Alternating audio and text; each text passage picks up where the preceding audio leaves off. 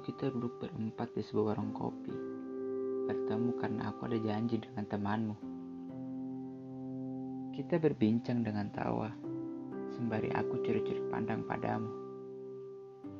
Asap rokok menyelimuti obrolan di antara kita, yang semakin lama, asapnya pun semakin naik ke langit yang begitu gelap.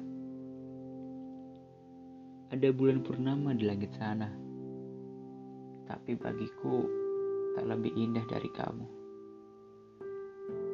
Lima langkah saat sebelum aku bersalaman denganmu, kala itu aku sudah mulai jatuh hati. Entah apa yang buatku begitu, gugup saat bersalaman denganmu. Panas dingin yang kurasakan. Selang beberapa hari dari itu, kita bertemu lagi berbagi cerita dan canda. Aku yang banyak bicara, kamu yang diam saja. Aku yang tampil gugup, kamu yang cuek. Kau memintaku untuk terus bercerita.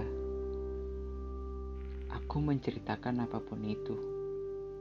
Katamu, walau kamu tidak mengerti, kamu akan mendengarkan. Kemudian kita naik sepeda motor berdua. Tanganmu dalam dekapanku. Tanganmu melingkari tubuhku untuk menghangatkan tubuhmu dari dinginnya malam habis hujan kala itu. Kamu ingat ciuman pertama kita? Tidak diiringi kembang api, tidak ada sorak-sorai seperti di film-film. Hanya ada aku, kau, dan Ardito bernyanyi dari sebuah ponsel genggam.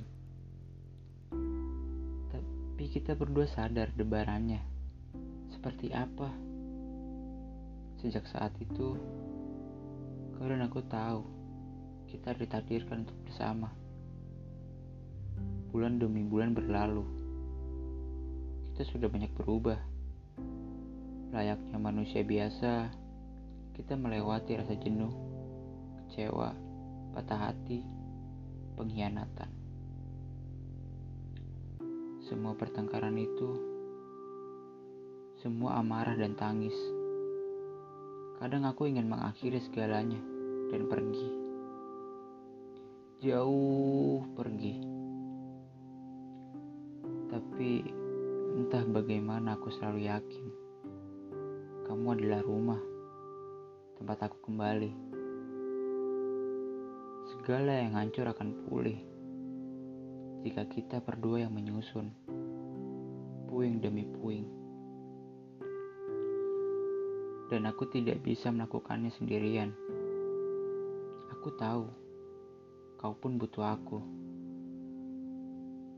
Kita sudah banyak berubah, tapi yang pasti, perasaan untukmu hanya bisa terus bertambah dan terus bertambah.